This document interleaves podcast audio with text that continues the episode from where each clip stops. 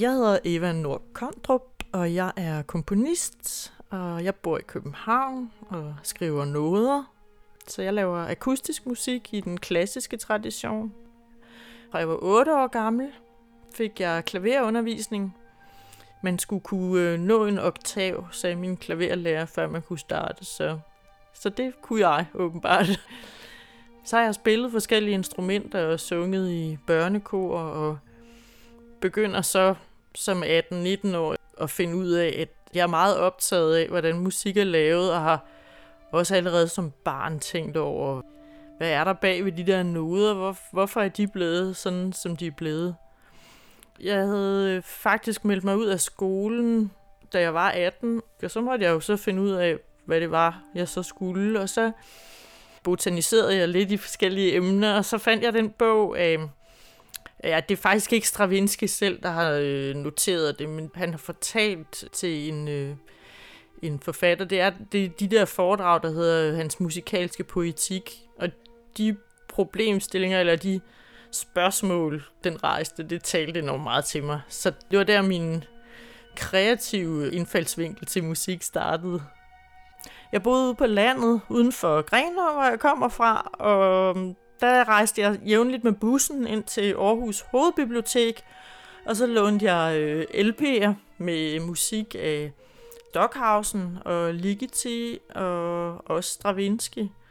Ja, det var derfor, at jeg læste den faktisk. Jeg ville gerne høre så meget forskellig musik som overhovedet muligt.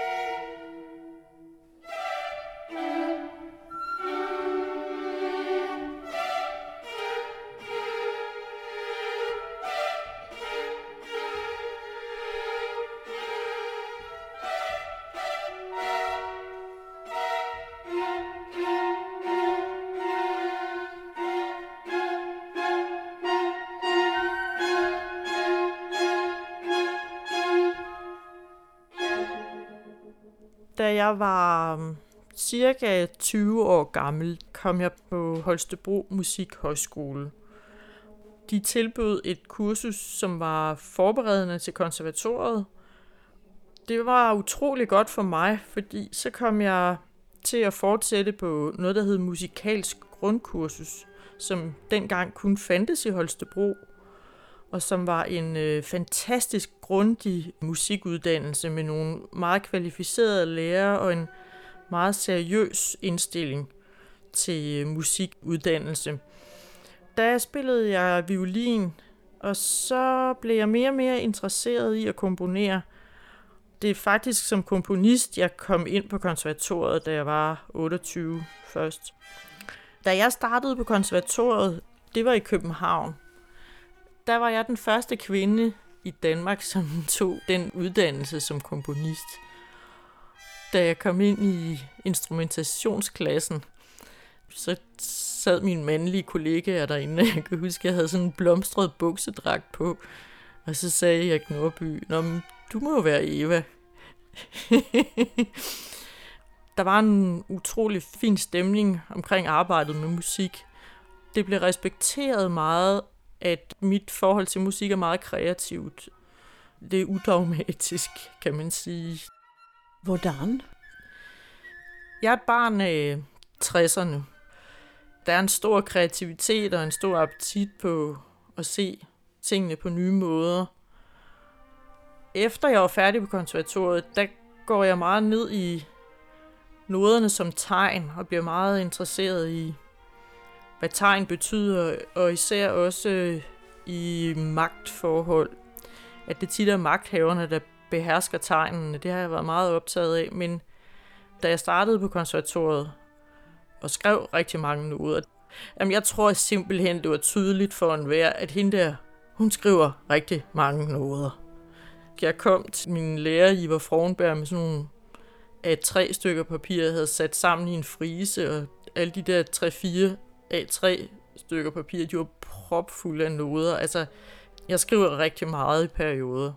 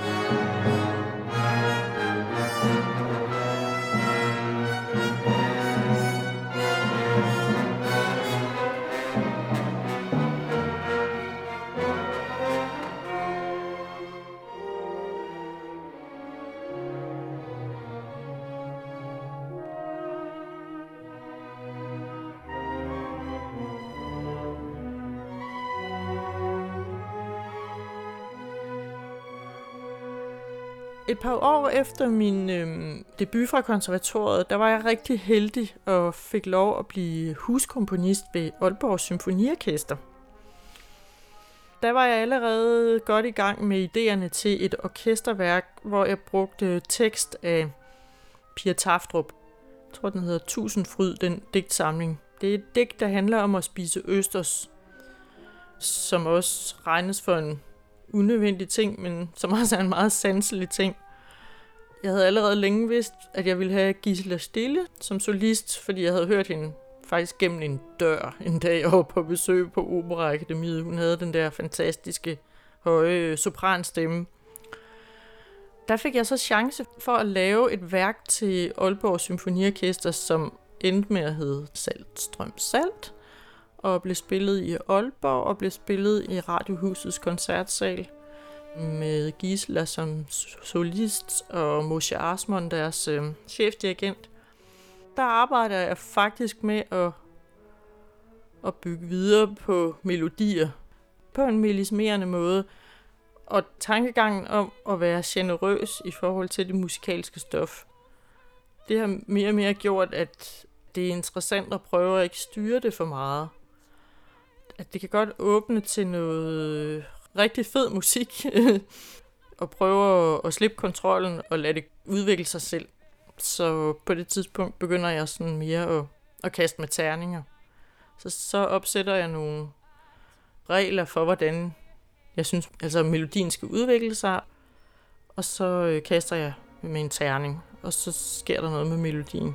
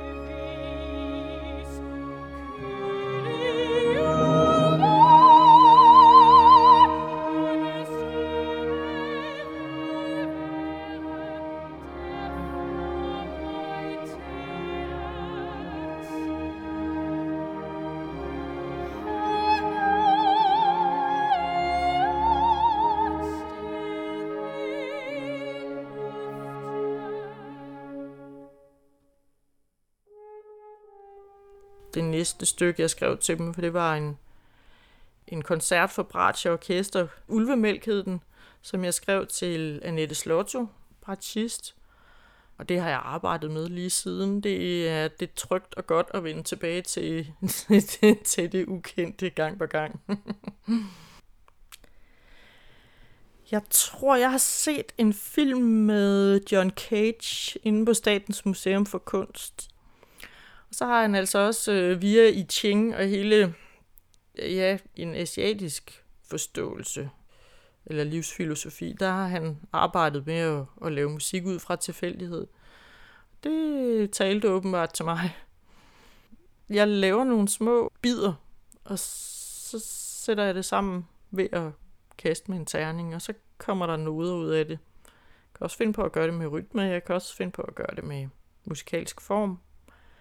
Så sover jeg på det, og så når jeg spiller det igen, så har jeg en, en, øh, en god følelse af, at øh, det er ikke noget, jeg har brugt min vilje til, og det er heller ikke noget, jeg har brugt min fordomme til. Det er jo sådan, at det er samtidig, at det musikalske stof, der kommer, når man tror, man improviserer, at det faktisk er ret øh, konservativt. Og det kan man komme udenom ved at, at lave nogle regler for det. der har jeg på forhånd lavet et lille spil for mig selv. Så laver jeg et lille regelsæt med de der seks forskellige sider, der er på en terning, og så det kan være, at jeg skal spille tonen C. Det kan også være, at jeg skal sætte øh, to 16. dele efter hinanden. Det kan også være, at jeg skal gå en stor sekund op. Det kommer lidt an på, hvad jeg har, hvad jeg har sat af regler den dag. Så er det en halv slump.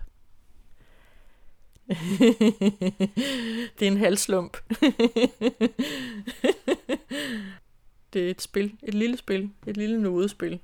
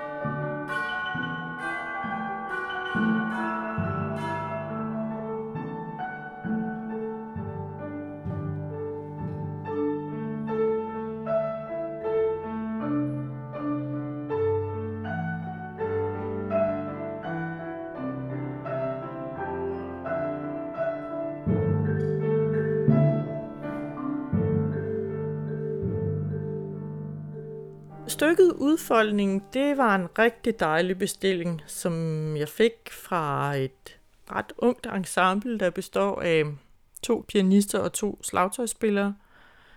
Og det var i forbindelse med, at Roskilde Musikforening blev 100 år. Der ville de godt lave en bestilling på et lille kort værk, og det er en rigtig, rigtig sjov besætning for mig at kaste mig ud i. Især fordi jeg lige havde skrevet rigtig meget for sanger, så er det jo helt anderledes med de der meget perkussive øh, instrumenter. Også fordi jeg, jeg er så melodifixeret. Det er rigtig godt for mig at, at skulle lave det der. Og så, øh, så havde jeg rigtig travlt sidste sommer, fordi jeg havde jo også engageret mig i at skrive en opera, og den var ved at blive antaget til at skulle spilles på det kongelige teater. Og jeg skulle også have de der noder færdige til de her fire musikere. Og så var jeg taget på ferie med mine venner, nogle venner, og, og vi sad nede på Nordfalster, en lille gammel havn, der hedder Sortsø, hvor der en, en gang har været udskibning af roer. Og det øs regnede, og det blæste, og vi kunne ligesom ikke komme nogen vegne, og så var der et super fint lille klubhus, og så sad min gode ven Michael, der skulle rette nogle opgaver fra universitetet. Han sad ved det ene bord, og jeg sad ved det andet bord og kastede med terninger og, og skrev på det her værk, der hedder Udfoldning. Det er en slags blomst, der folder sig ud, hvor der er nogle bølger af nogle kronblade, og prøver at lave melodi for de her perkussive instrumenter, så de, de laver en form for tonegentagelser på kryds og tværs. Ensemblet, som bestilte stykket og som uopførte det i Roskilde den 20. september 2017, de hedder 2 gange 2 p og det er pianisterne Anne Holm og Christoffer Hyldig, og slagtøjsspillerne David Hildebrand og Thomas Theisner.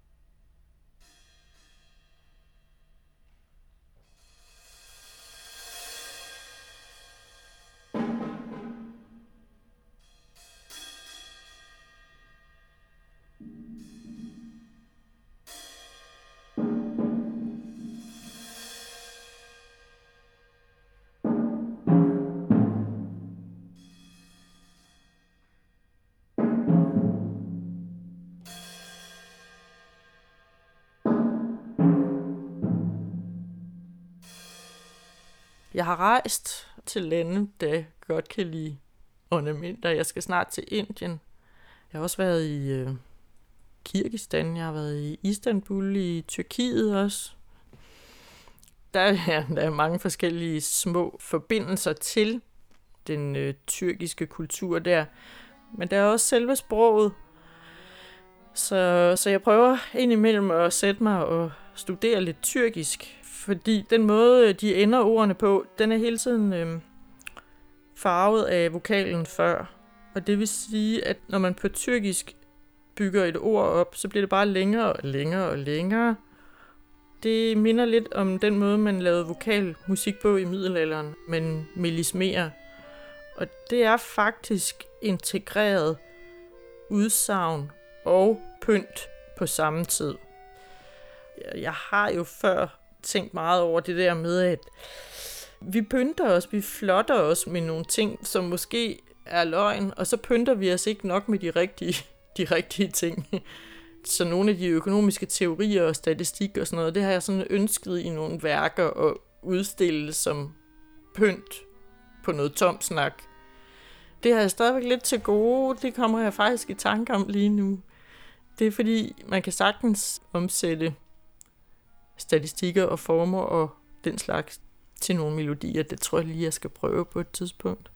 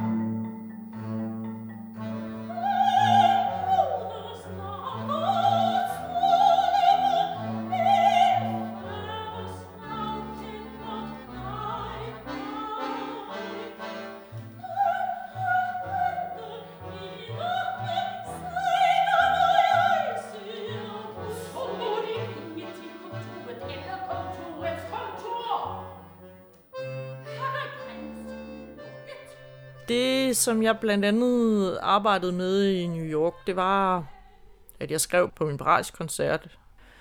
Men jeg gik også og, og kiggede lidt i nogle antikvariater, og hvad man sådan gør, når man for rundt. Og der fandt jeg en meget interessant bog, som er lavet af en øhm, øh, feministisk kunsthistoriker, der hedder Wendy Steiner. Og den hedder Venus in Exile, altså Venus i eksil. Det, som er Wendy Steiners grundtanke, det er paradoxalt nok, at det der er modernismens problem, det er, at kvindefiguren er fjernet som objekt. Det er lidt langhåret at forstå det selvfølgelig, fordi man synes jo netop, at det feministiske motiv skulle være, at vi kvinder, vi også kan være fri for at være objekter, og at det er en af modernismens fortjenester. Men det, hun er inde på, det er, at der fremkommer et tab af mening. Det kommer hun ikke yderligere ind på, og det kan man jo så gøre selv i bagtanken. Man kan tænke over, hvor det kvindelige element er i samfundet. Man kan tænke over, hvorfor kvinder har haft monopol på hjemmesfæren, og mænd har haft monopol på socialsfæren. Altså, hvordan ville kvindernes partiturer have set ud, hvis de havde eksisteret? Det kunne jo være kniblinger, men det er lidt en anden historie, for det er også noget tilbage, jeg har oplevet som barn min gamle nabo, altså da jeg var helt lille, når jeg kom ind til hende, hun sad med det der kniblebræt, og, og det er sådan en øh, velurpude på fire ben. Og der er sådan en masse nåle i, og de der nåle, de er forbundet af tråde. Det er det, der er kniblingen. Det er de der tråde. Og der fik jeg åbenbart sådan, på et tidspunkt sådan en slags åbenbaring om, at det grafiske element, det næsten kunne oversættes til partitur, grafik. Så det kunne være kvindernes uskrevne musik. Mm.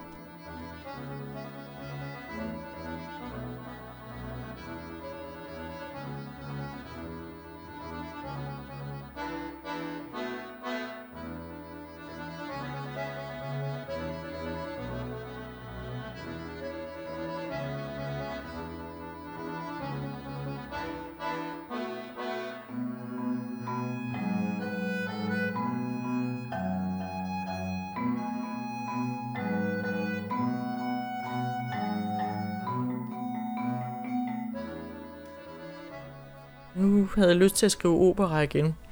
Og så fik jeg besøg af min veninde Cecilia Lindvall, som er sopran, og som jeg har arbejdet sammen med i forvejen.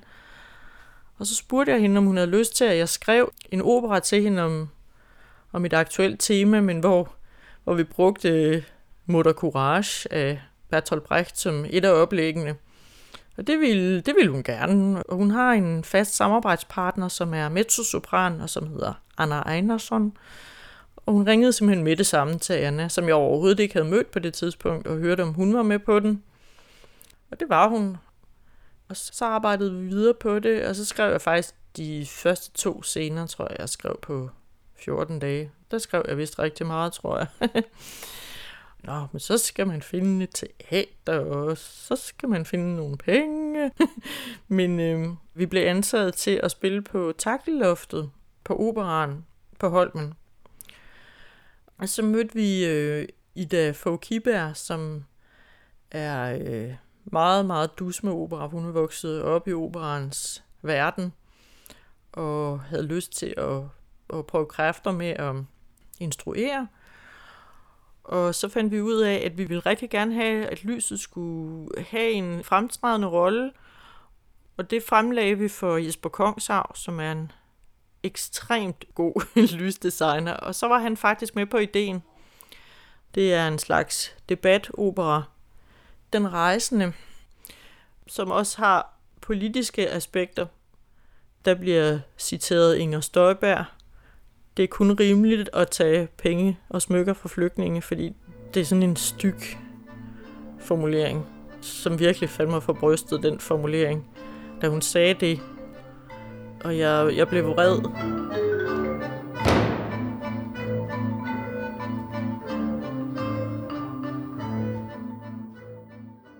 den måde, jeg har arbejdet med, øh, med musikken i den rejsende, ja, jeg har åbnet mit hjerte. Jeg har haft lejlighed til inden for de sidste par år, og spiller temmelig meget folkemusik. Og det er min nye opera rigtig præget af. Så det er folkemusik? Ja, det er folkemusik. Det er et øh, folkemusik-ensemble. Det er akkordeon, som jo lyder på mange måder ligesom harmonika, selvom den er designet lidt anderledes. Og så er det kontrabas, som også folkeligt kaldes slagbas. Og så er det percussion og sange, altså melodier simpelthen for sangerne. Ja.